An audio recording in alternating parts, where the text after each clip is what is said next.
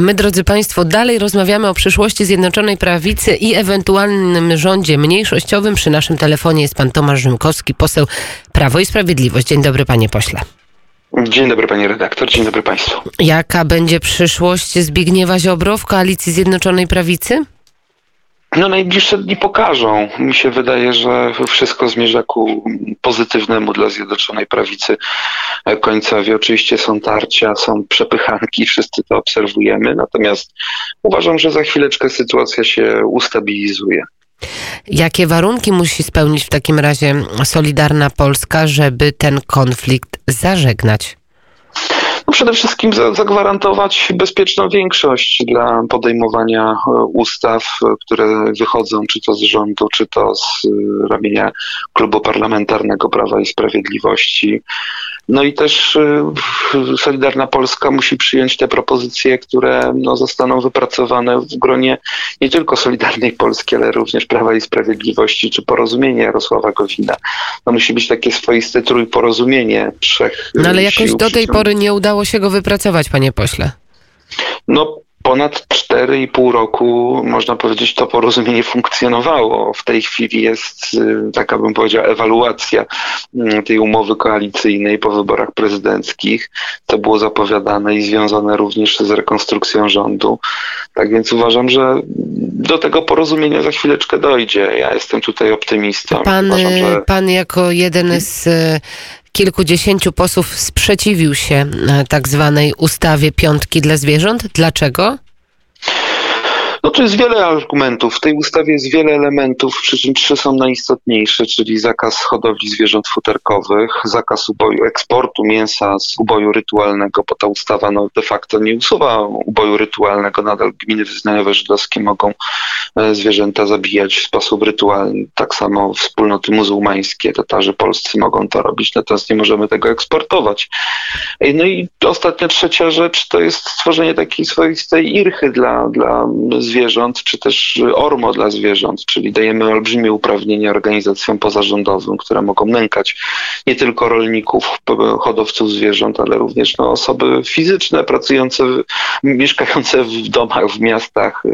E, będą mogły te osoby po prostu naruszać mir domowy, wchodzić, sprawdzać, czy pies nie jest otyły, czy nie jest Ale to liczy pan, że ta ustawa nie wejdzie, nie wejdzie w życie? Czy prezydent Andrzej Duda ją zawetuje? Jaka będzie przyszłość tej ustawy według pana? Ja, ja, ja sprzeciwiałem się od samego początku tej ustawie, jasno to artykułowałem w mediach. Mi się najbardziej nie podoba ten element dotyczący uboju rytualnego. To znaczy, ja jestem gotów pójść na daleko idące ustępstwa w stosunku do um, hodowców, hodowców, e, hodowców norek, natomiast e, nie jestem w stanie zrozumieć e, zakazu uboju rytualnego, bo to jest jedna z niewielu branż e, polskiego rolnictwa, która jest bardzo rozwojowa i która w coraz większym stopniu e, wpływa na kondycję polskiego rolnictwa, a te rozwiązania dotyczące dania uprawnień kompletnie irracjonalnych organizacjom e, prozwierzęcym, które nie spełniają żadnych wymogów natury merytorycznej, bo to mogą być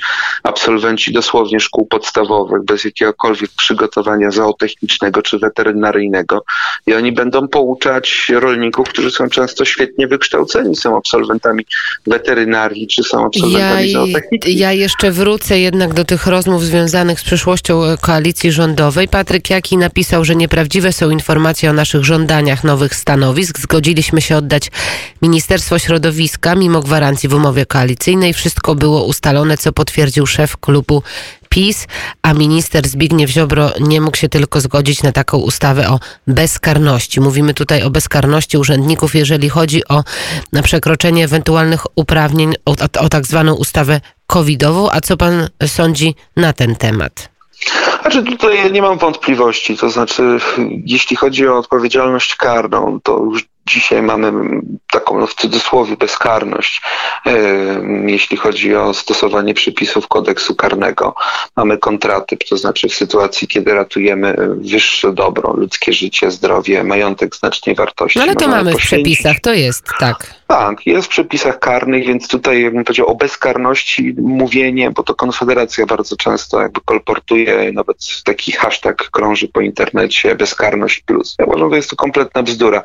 Ten przepis przede wszystkim odnosi się do odpowiedzialności cywilnej wobec urzędników. Ja to zobrazuję takim kazusem, przykładem zupełnie abstrakcyjnym. Mamy galerię handlową, w której nagle połowa pracowników jest zainfekowana koronawirusem i pracownik sanepidu wkracza do, do takiej galerii handlowej i mówi, no musimy zamknąć na trzy dni tą galerię, bo trzeba dezynfekcję zrobić, bo na po prostu powierzchniach może znajdować się koronawirus y, na produktach sprzedawanych towarach. A właściciel tej galerii mówi do pracownika sanepidu, który taką decyzję administracyjną wydaje, no dobrze, niech pan zamknie, a ja wystąpię z pozwem cywilnym do pana w związku ze szkodami, które to poczyniło, ponieważ i mięso na półkach się popsuło i ja musiałem wydać pieniądze na utrzymanie tych Ale to jest pracowników. a przez cały czas będziemy szli dalej. Do tej pory państwo funkcjonowało. Do tej pory wszyscy żyliśmy w takiej, a nie innej rzeczywistości. Cały czas mamy zwiększać, cały czas mamy zwiększać e, tutaj, jeżeli chodzi o, mm, o działania państwa, cały czas mamy godzić się na takie poważną ingerencję państwa w nasze życie, w nasze codzienne życie, bo to tak będzie wyglądać, panie Ale, pośle. Czy ale ja nie pamiętam takiej sytuacji wcześniej, aby pojawiała się w sposób masowy możliwość zamykania zakładów pracy czy zamykania galerii handlowych. I tak już jesteśmy bardzo ograniczeni. Jesteśmy bardzo ograniczeni i ja, ja to w pełni rozumiem. Uważam, że tutaj należy stosować racjonalne podejście. Natomiast w sytuacji naprawdę poważnych e, odpowiedzialność cywilna, czyli odpowiedzialność odszkodowawcza e, urzędników no, musi być wykluczona i to przede wszystkim ja to upatruję w tej ustawie, a pod tym względem będę tego bronił. E, To znaczy uważam, że urzędnik, który zarabia 2800 na rękę, któremu grozi przedsiębiorca pozwem w wysokości 10 milionów złotych, musi mieć wsparcie ze strony państwa i temu ma służyć ta ustawa. To odszkodowanie decyzja- odszkodowaniem i powództwo cywilne Mhm. jedną sprawą, a przekraczanie uprawnień też, y, no to są jakby dwie Ale tu nie różne chodzi o rzeczy. przekraczanie, ale tu nie chodzi o przekraczanie uprawnień, bo decyzja, która byłaby podyktowana w oderwaniu od sytuacji pandemicznej, to znaczy urzędnikowi się wydaje, w tej ustawie jest jasno napisane, decyzje podjęte w związku z pandemią, to znaczy musi być tu związek przyczynowo-skutkowy. To dlaczego Nie Solidarna Polska tak mocno galerii. protestowała? Dlaczego to była taka oś sporu? Nie wiem, ja tego nie rozumiem. To znaczy, ja patrzę na to z punktu widzenia funkcjonowania państwa, z punktu widzenia państwowca i prawnika. Ja akurat w tej ustawie nie widzę nic złego. To znaczy, ja uważam, że to jest wzmocnienie funkcjonowania państwa, tak aby urzędnik nie bał się podjąć decyzji, która jest podyktowana zdrowiem i życiem, bezpieczeństwem obywateli, aby nie czuł się w jakikolwiek sposób y, zagrożony sytuacją, w której będzie musiał stawać przed sądem, przed świetnie przygotowanymi adwokatami, broniącymi czy występującymi z roszczeniem do niego wysokości no, przekraczającej dorobek trzech jego pokoleń, jego dzieci i jego wnuków. No po 10 milionów złotych do zapłacenia odszkodowania przez urzędnika, który zarabia mniej niż 3000 złotych, no to, to jest dla takiego człowieka potężna presja. I chodzi o to, żeby tej presji nie było. Ale z drugiej strony nie możemy dopuścić do sytuacji nadużyć, aby urzędnicy nadużywali tych swoich uprawnień. Stąd ja akurat jestem zwolennikiem tej ustawy i tu, tutaj nie dopatruję się niczego złego. To jest oczywiście Pana zdanie. Solidarna Polska ma w tej sprawie zupełnie e, inne. Jaka będzie przyszłość w takim razie Zbigniewa Ziobro? Ja się jeszcze raz zapytam. Jeżeli dojdzie do takiego scenariusza, że panowie Ziobro i Kaczyński nie porozumieją się, to co wtedy?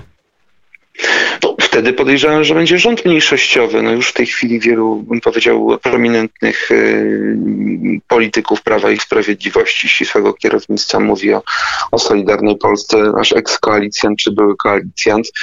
Tak więc no, scenariusz tu również jest alternatywny w postaci rządu y, mniejszościowego, bez tych 18 głosów y, w Sejmie posłów Solidarnej Polski. Ale kto ten konflikt wywołał, panie pośle?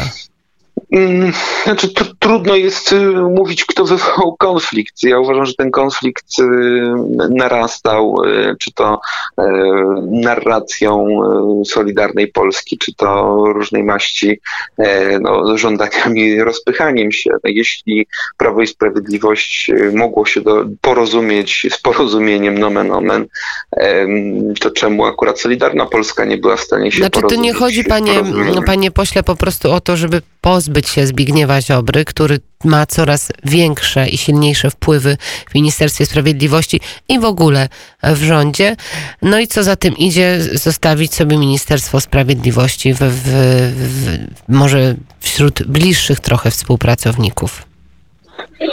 Mm, To znaczy, no, trudno powiedzieć, żeby tutaj jakby wzrost wpływów y, ministra sprawiedliwości był w Ministerstwie Sprawiedliwości, moim zdaniem od samego początku, czyli od 2015 roku. No, Zbigniew Ziobro miał pełną swobodę działania w Ministerstwie Sprawiedliwości. Ona została rozszerzona w 2016 roku o rolę prokuratora e, generalnego po, po połączeniu tych dwóch urzędów w jednej osobie.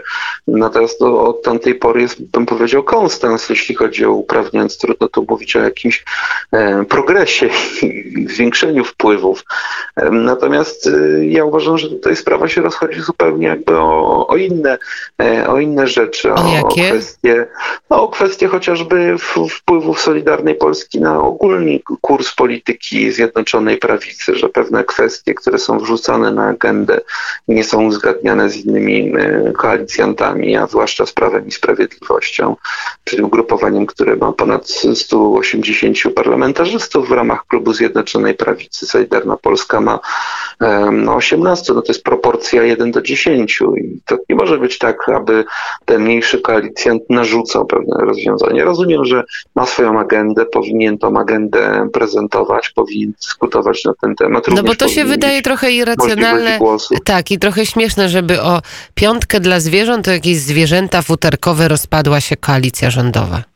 Czy ja, ja to odrzucam zupełnie, bo wystarczy popatrzeć na arytmetykę e, wyborczą tego, tego głosowania. No to jest 306, 356 posłów głosowało za tą ustawą. To znaczy można powiedzieć, jest to jedna z nielicznych ustaw, która przytł- przytłaczającą większością No ale głosów może to jest ukłon. Prawa i Sprawiedliwości do centrum, do lewicy.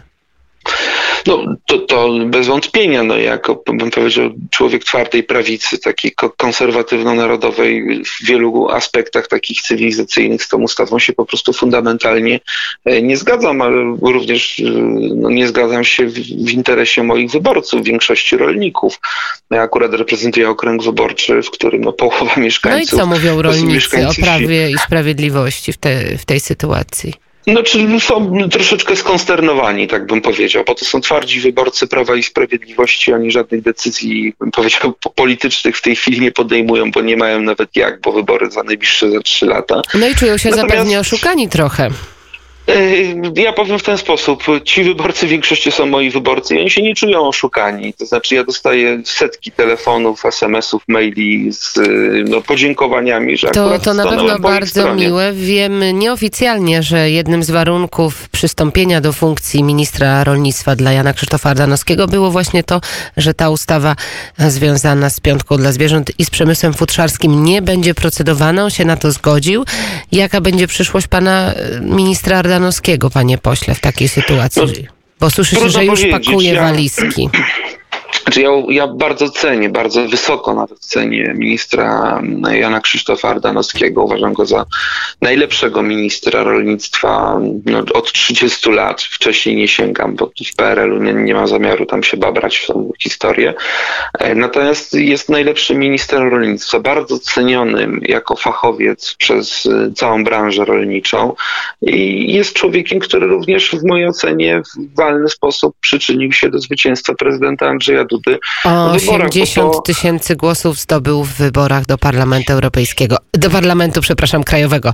E, Panie Tak, pośle, musimy... natomiast Tak, ostatnie głos, zdanie. Jedno zdanie. Ostatnie zdanie. Jego głos spowodował, że jednak te 81% rolników, mieszkańców wsi poparło prezydenta Andrzeja Dudę w wyborach, które no, były mniej niż trzy miesiące temu. I może prezydent Andrzej Duda teraz poprze po, pośrednio e, Jana Krzysztofa Ardanowskiego, wetując ustawę, ale to wielki znak zapytania. Bardzo dziękuję panie pośle. Tomasz Rzymkowski, Prawo i Sprawiedliwość. Dziękuję i miłego dnia.